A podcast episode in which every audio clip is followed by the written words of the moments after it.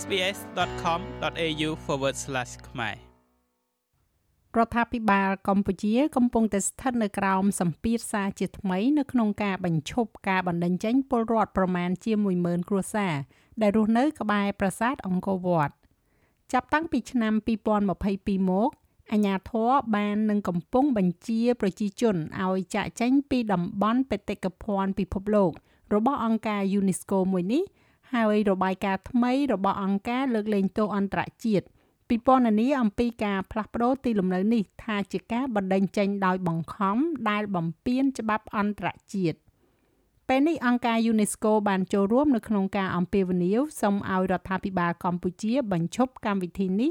ហើយនេះគឺជារបាយការណ៍លម្អិត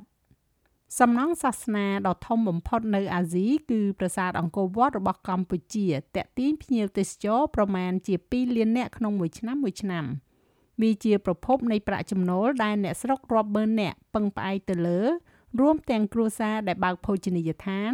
ហាងលក់រាយនិងអាជីវកម្មផ្សេងទៀតជាច្រើនទសវត្សរ៍មកហើយនៅក្បែរនោះប៉ុន្តែក្នុងពេលមួយឆ្នាំកន្លងទៅនេះ រដ្ឋាភិបាលកម្ពុជាបានបណ្ដេញពលរដ្ឋប្រមាណជា40000នាក់ចេញពីតំបន់នេះដោយការរុះរើផ្ទះសម្បែងនិងអាជីវកម្មរបស់ពួកគេ។លោកលងកុសលជាអគ្គនាយករងនៃអាជ្ញាធរជាតិអប្សរាដែលជាអាជ្ញាធររដ្ឋាភិបាលកម្ពុជាគ្រប់គ្រងតំបន់នេះ These people we consider them as a illegal or illicit occupant ប្រជាជនទាំងនេះយើងចាត់ទុកពួកគេថាជាអ្នកកាន់កាប់ឬក៏តាំងទីលំនៅខុសច្បាប់ ដូច្នេះហើយពួកគេគឺជាកម្មវត្ថុដែលត្រូវតែផ្លាស់ប្ដូរទីតាំងមានបញ្ហាជាច្រើនជាមួយនឹងពួកគេលក្ខខណ្ឌក្នុងការរស់នៅបរិស្ថានគឺមានគ្រោះថ្នាក់ហើយដោយសារតែពួកគេរស់នៅដោយខុសច្បាប់ពួកគេមិនមានបានកម្មសិទ្ធិដីធ្លីនោះទេរដ្ឋាភិបាលកម្ពុជានិយាយថាខ្លួនកំពុងធ្វើតាមការណែនាំរបស់ទីភ្នាក់ងារវប្បធម៌របស់អង្គការសហប្រជាជាតិ UNESCO ដើម្បីការពារតម្លៃបេតិកភណ្ឌប្រាសាទអង្គរវត្ត រដ្ឋាភិបាលនិយាយថាសហគមន៍កំពុងតែចាក់ចែងទៅដោយស្ម័គ្រចិត្តហើយការគ្រប់គ្រងផ្នែកហិរញ្ញវត្ថុនិងភស្តុភារកំពុងត្រូវបានផ្ដល់ជូនដល់អ្នកស្រុកដើម្បីផ្លាស់ទីទៅតាំងទីលំនៅឋានថ្មីដែលមានចម្ងាយ30គីឡូម៉ែត្រពីអង្គរប៉ុន្តែនៅក្នុងរបាយការណ៍ថ្មីមួយអង្គការលើកលែងទោសអន្តរជាតិបានហៅកម្មវិធីនេះថាជាការបណ្តេញចេញដោយបង្ខំ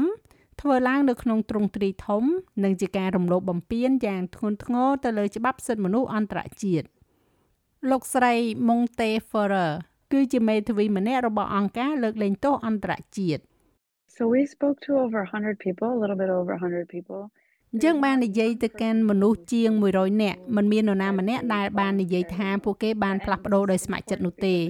បាននិយាយពីអត្ថន័យវាគឺអាស្រ័យទៅលើបុគ្គលនោះប៉ុន្តែយើងទទួលបាននៅសេចក្តីរាយការណ៍មកថាការគម្រាមកំហែងត្រូវបានធ្វើឡើងហើយការបំផិតបំភ័យត្រូវបានទទួលរងប្រជាជនត្រូវបានគេប្រាប់តាមរបៀបផ្សេងផ្សេងគ្នាថាអ្នកត្រូវតែផ្លាស់ទី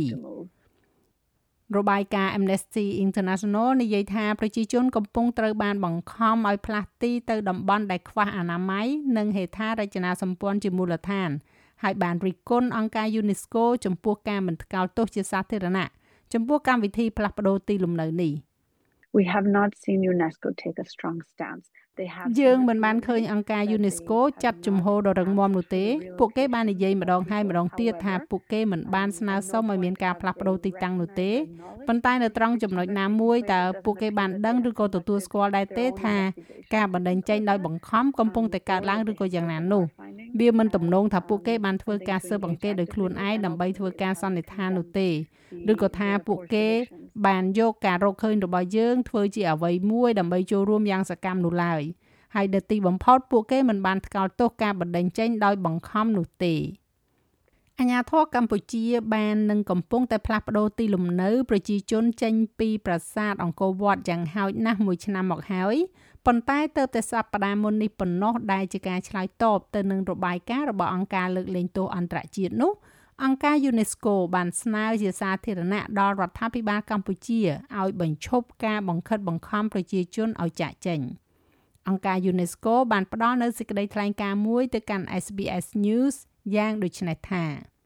UNESCO calls on Cambodian authorities to make an explicit commitment អង្គការ UNESCO អំពាវនាវឲ្យអាជ្ញាធរកម្ពុជាធ្វើការបដិញ្ញាចិត្តយ៉ាងច្បាស់លាស់មិនអនុវត្តការបណ្តេញចេញដោយបង្ខំនៅតំបន់អង្គរ វាជារឿងសំខាន់ដែលត្រូវកត់សម្គាល់ថា UNESCO តែងតែបដិសេធជាដាច់ខាតចំពោះការប្រើប្រាស់ការបណ្តេញចេញដោយបង្ខំអង្គការ UNESCO បានស្នើឲ្យរដ្ឋាភិបាលកម្ពុជាផ្ដល់នូវរបាយការណ៍ពេញលេញមួយ ស្ដីអំពីកិច្ចខិតខំប្រឹងប្រែងអភិរក្សប្រាសាទអង្គរវត្តត្រឹមថ្ងៃទី1ខែកុម្ភៈឆ្នាំ2024ខាងមុខនេះរួមទាំងការឆ្លើយតបទៅនឹងការចោទប្រកាន់របស់អង្គការលើកលែងទោសអន្តរជាតិផងដែរ។ ចាស់ហើយរបាយការណ៍នេះចងក្រងឡើងដោយ Aaron Fernandez សម្រាប់ SPS News និងប្រាយសម្រួលសម្រាប់ការផ្សាយរបស់ SPS ខ្មែរដោយនាងខ្ញុំហៃសុផារ៉ានីចូលចិត្តអ្វីដែលអ្នកស្ដាប់នេះទេ